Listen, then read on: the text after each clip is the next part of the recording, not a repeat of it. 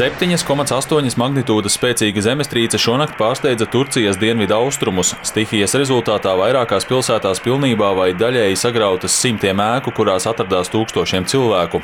Zemestrīces epicentrs atradās zem Pazardžikas pilsētas Kahramanmarašas provincē, bet pazemes grūdieni nodarījuši nopietnus postījumus arī vairākās blakus provincēs. Spēcīgi pēcgrūdieni bija jūtami arī Turcijas pilsētās, kas atrodas simtiem kilometru no dabas katastrofas skartajiem reģioniem. Izdzīvojušie stāsta, ka tik spēcīgu zemestrīci viņi savā dzīvē nav pieredzējuši. Kāds vīrietis no Diyarbakiras pilsētas stāstīja par savām sajūtām. Es gulēju, kad sieva mani pamodināja. Zemestrīce bija ļoti spēcīga, mēs bijām ļoti nobijušies. Visapkārt bija briesmīgs troksnis. Pagāja gandrīz divas minūtes, līdz kratīšanas apstājās.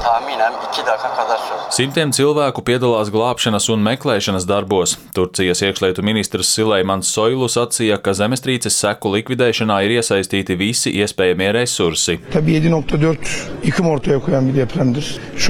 Zemestrīce ir radījusi plašus postījumus. Stihijas skarto provinču gubernatori vada seku likvidēšanas darbus.